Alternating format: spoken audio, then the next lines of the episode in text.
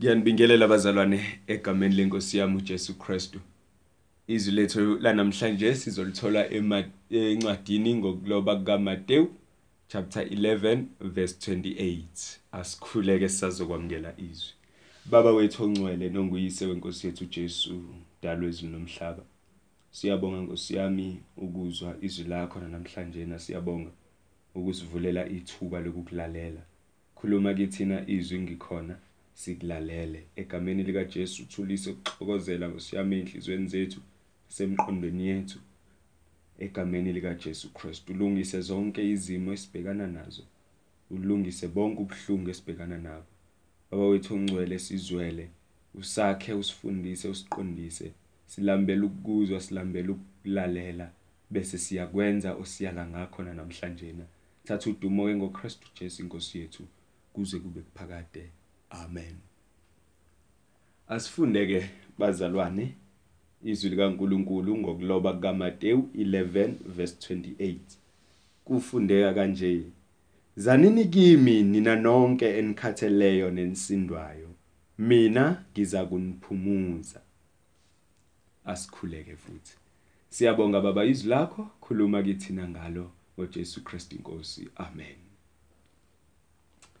Bazalwane la sifunda indaba ezimnandi eh amazwi amnandi athokozisayo asho uJesu inkosi yethu eh ngokuloba kaMateyu uma uMateyu ebhala ivangeli lakhe ulibhala efuna ukuveza ukuthi uKristu ungulo Mesiya okade alindelwa. Ungulo Mesiya okade amaJuda embhekile nokuthi futhi uphuma endlini kaDavide.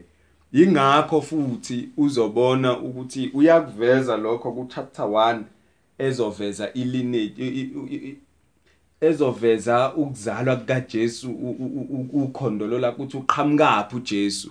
Eh okhokho bakhe ukuthi kusukapi nokuthi ufika kanjani kuDavide ukuze abe ngofanele isihlalo sobukhosi lesi asithembisa uNkulunkulu kuDavide ukuthi akayi ukuphucwa sona. So ke uzama ukukuvezela konke lokho amaJuda uMateyu. Kodwa namhlanje sikhuluma lana simuzwa uJesu ekhuluma eveza futhi lokho ukuthi impela uyinkosi yokuthula ekade lindelwe abantu. Inkosi yokuthula abantu akade bevede beyifuna ezobakhulula ngoba basebenza kanzima ngokuyikhandla so khumbula abazalwane ukuthi kusukela ekuqaleni umuntu ubetatazela umuntu eh ubengaphili kahle. Kusukela nje ekuqaleni uAdam noEva uma eh bedla emthini ophakathi nendawo. Umuntu uyahamba uyocashela uNkulunkulu and uNkulunkulu uthi ulaphi. Ukhipha isithembiso sokuthi inzalo yowesifazane iyachoboza ikhanda lenyoka eh kuba khona leso sithembiso. And bahlala ke basilindele ke leso sithembiso balindele lokuphumula balindele ukuzwa ukuthi hayi khona ozosikhulula kuleli hlazo esingene kulona. And abantu ke bahamba bangena esonweni bamhlubuka uNkulunkulu kusukela lapho ekoneni kaAdamu. Uzozwa futhi eh kuIsaiah 55 mangingaphosisi ethi ethi wenina nonke enomleyo wozani niphuze. Nani engenamali wozani nithenge. Yabona isimemo ekade sikhona esidala sokuthi abantu basindiswe abantu bazuze ukuthula abantu bathola ukuphumula kuphela ukuyaluza. Namhlanje na ke bazalwane ukuyaluza empilweni zethu into ekhona ngoba kamuva nje kuyaliwa kuliwa nokubulawa kwabantu besifazane nezingane and manje akusekona ukubulawa kwabantu besifazane nezingane kukhona namadoda ayama victim ekubulaweni ngabantu besifazane. eh uyabona izwe liphithene khona ukuxabana khona ukuxakaniseka khona izinto ezingaqondile kahle ezenzakalayo. And uJesu njenganenkosi nomsindisi uzwakala ethi namhlanje na izanini kimi mina ngiza kunikeza ukuthula. Iloko engifuna sikhulume ngako namhlanje na ukuthi izanini kimi mina ngiza kunika ukuthula. Nina nonke enikhatheleyo nenisindwayo mina ngiza kuniphumuza. Isifunde khona abazalwane uJesu uvela njengomuntu obuka abantu bakhe. Bayasebenza bayazindla eh bayagqilazeka bayajuluka. And yena ubabuka njengomuntu obazwelayo. Uthi eh, ngize lana ukuzoniphumuza ngize lana ukuzonakekela ukuba nina niphumule kodwa kuphela maniza kimi ngathi uthi wozani kimi wozani etendeni lami. Mina ngimnike ukudla nkambe makuukuthi abantu akade befukuzela ukudla. Ngathi uthi wozani etendeni lami mina ngimnikeze amanzi. Kambe kube bekuyabantu akade besebenzela amanzi. Uza engumuntu one solution phezulu kwenkinga yabantu ababhekene nayo. Nina nonke enikhatheleyo nenisindayo.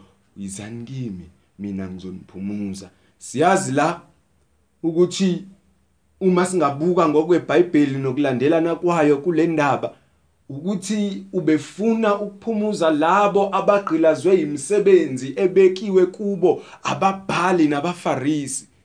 Ukuthi hayi insindiso uzoyithola mawenza lokhu nalokhu nalokhu. uJesu uzosiveza ukuthi mina ngiyukuthula kwenu. Mina eh ngikunakho ukuthula ngikuphethe kuphelele. Ngakho musana ukusebenza musana ukuyikhandla musana ukuchitha inzuzo yenu kongasiko iqiniso nokungasizi ngalutho. Zanini kimi mina ngimnikeze ukuthula nokuphumula okuphelele. Musana ukulokhu niyaluza nitshela ukuthi nizosinda kanjani manenza ukuthi. Zanini kimi nizuzo insindiso free of charge. Akuzona indaba ezimnandi lezi? Akuzona yini indaba ezimnandi ukuzwa ukuthi sowukhandleke kangaka sowufukuze kangaka sowusebenze kangaka? Khona inkosi yamakhosi ithi nje zanini kimi? Nithole ukuphumula. Abantu namhlanje abashunyayezwe ivangeli lokuthi eh ukukholwa eh kumele uze usindiswe kumele uqale wenza ukuthi nokuthi nokuthi uzozwa mawushare igospel nabantu ufuna ukufakaza kubona bethi hayi mfundisi ngilinde ngiqale ngenza ukuthi. Hayi nceke ngilinde ngiqale ngiqede ukuthi. As if ukukholwa kuyinto ezovela mase sebeqede lento abayenzayo. Kanti uJesu uthi woza. Wozani kimi lezo zinto enizenzayo nizenzisa ukuthi vele niyayaluza. Nizenzisa ukuthi vele aninako ukuthula.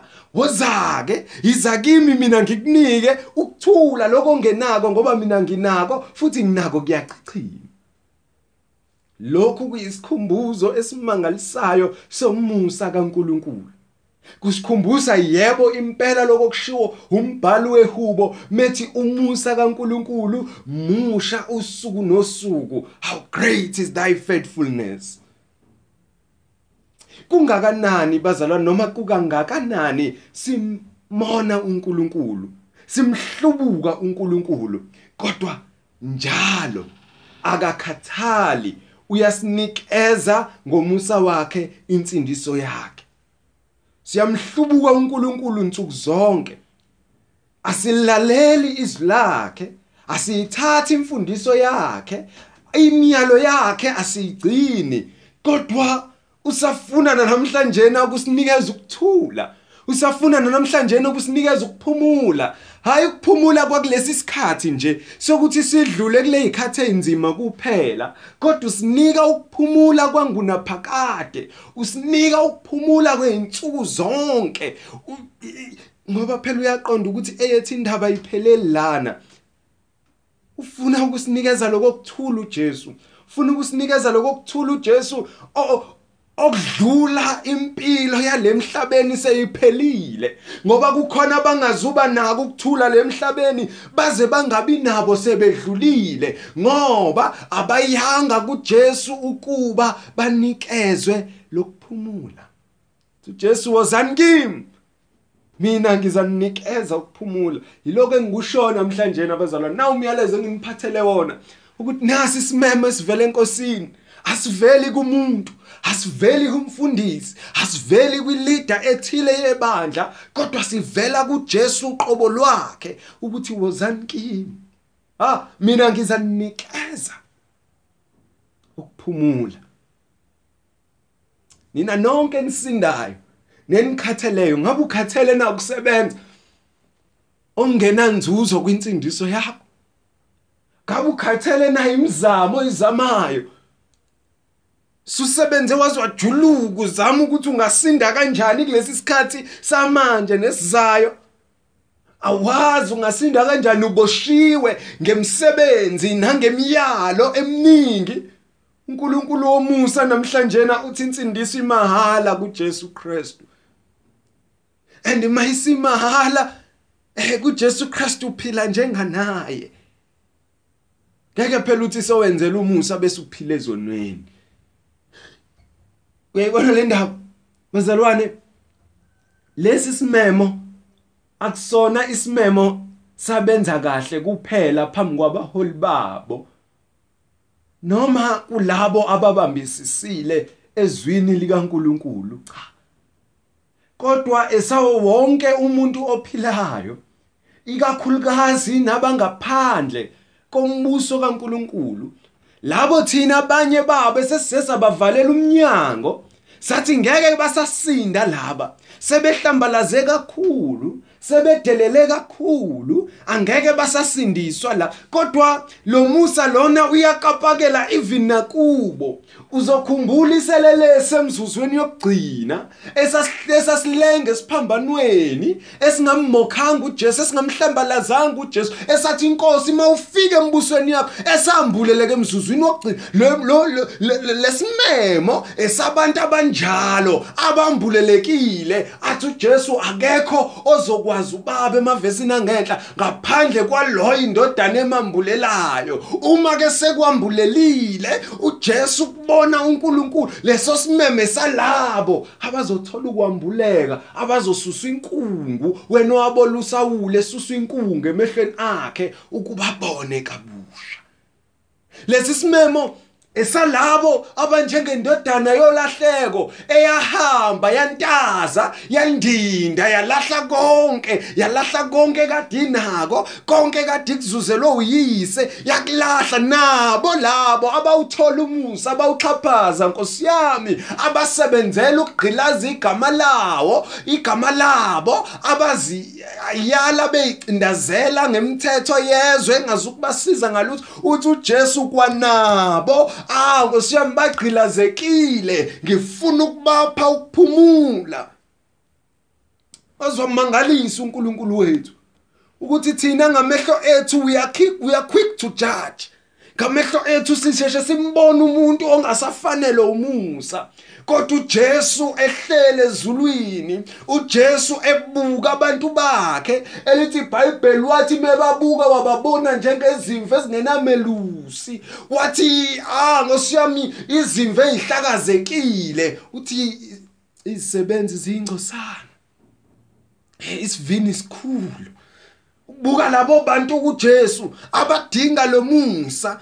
Uyakhuleka ukuba akube khona izisebenzi ezizovuna ezizokhothoza ezizotshala nabo umusa sabafanele. Uke wawuzuza umusa kaNkuluNkulu.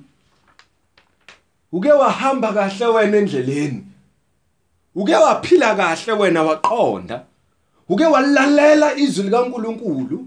Uke walinaka wenza inako yesu wahamba ngisho ama Bible study wafasta wakhuleka wangaphutha enkonzweni. Kwenzeka wazithola usesonweni. Kwenzeka wagqilazwa isono usathani wabuya wamemeza ukunya ukuwa. And kwabaningi usathani ukumemezile ukuwa bazalwane. Ukuwa lokho akumemezile usathane ukumemezeka ekuthenini abantu baze balahla ithemba bashiya ngempela indawo yabo. Ngoba bafike bone ebesathi usathane awusafithi ukuhamba lana. Awusafithi ukuhamba lana ngoba wena wenza u1 no2 bathi bazama baqinisela lokho bakhumbuza usathane ukuthi ba imperfect kangakanani. Kodwa uJesu uthi noma ugqilazwe kangako isitha. Sitshela isitha ukuthi umusa kaNkuluNkulu sakufanele akukakabi isikhathi sokulahlwa akukakabi isikhathi sosizi akukakabi isikhathi sokukhala kuseyisikhathi somusa. uJesu zanini kimi? Zanini kimi? Nina nonke nikhatheleyo nenisinda usukhathele ukusindwa izono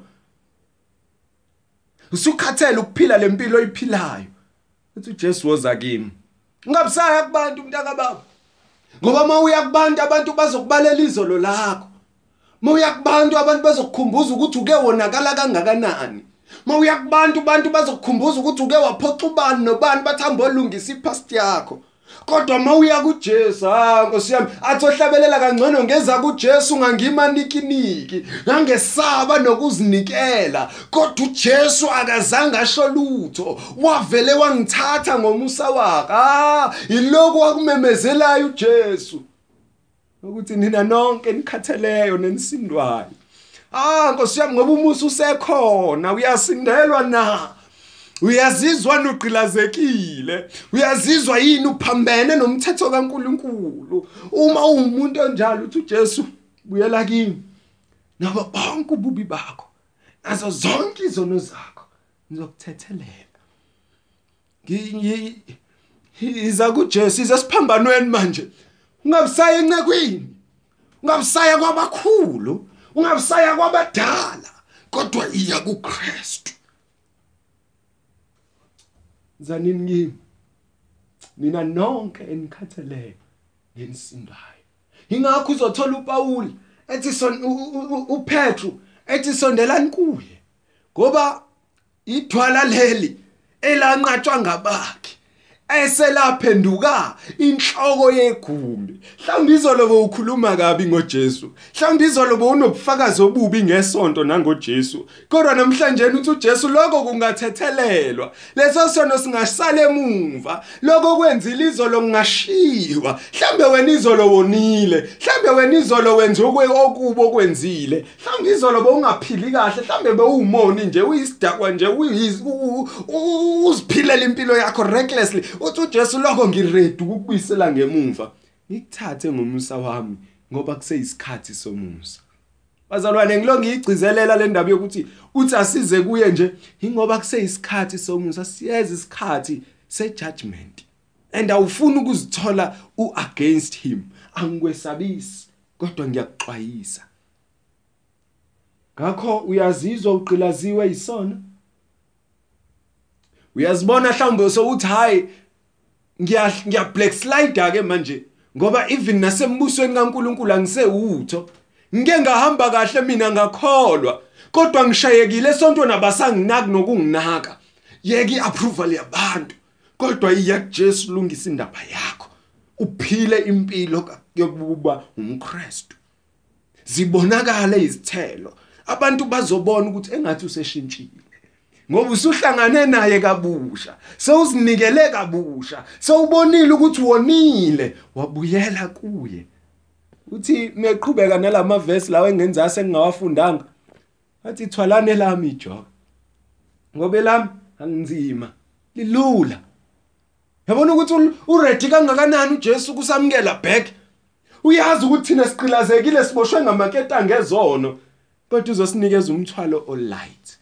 Asithwalele thina lonzima ngakho ke uma uzizwa ukhathele uma uzizwa utubekile uma uzizwa inyama yakhe ishayekile sondela kuye ungabusayihlehlisa noma ngathi uzizwa uuseless kangakanani so ufila nokuthi abantu abaseduzane kwakho bebekuzonda kangakanani. Ufuna ukukukhumbuza mina namhlanje ukuthi ungagive up nalokho sondela kakhulu kuNkulunkulu ngoba uyakuthanda uyakunakekela. Sondelani kimi nina nonke nikhatheleyo nenisindayo. Mina ngisakuniphumuza amazwi kaJesu lawo akuwona umfundisi akuwona umshumayeli kodwa waJesu qobo lwakhe. Ngakho ke iya kuye.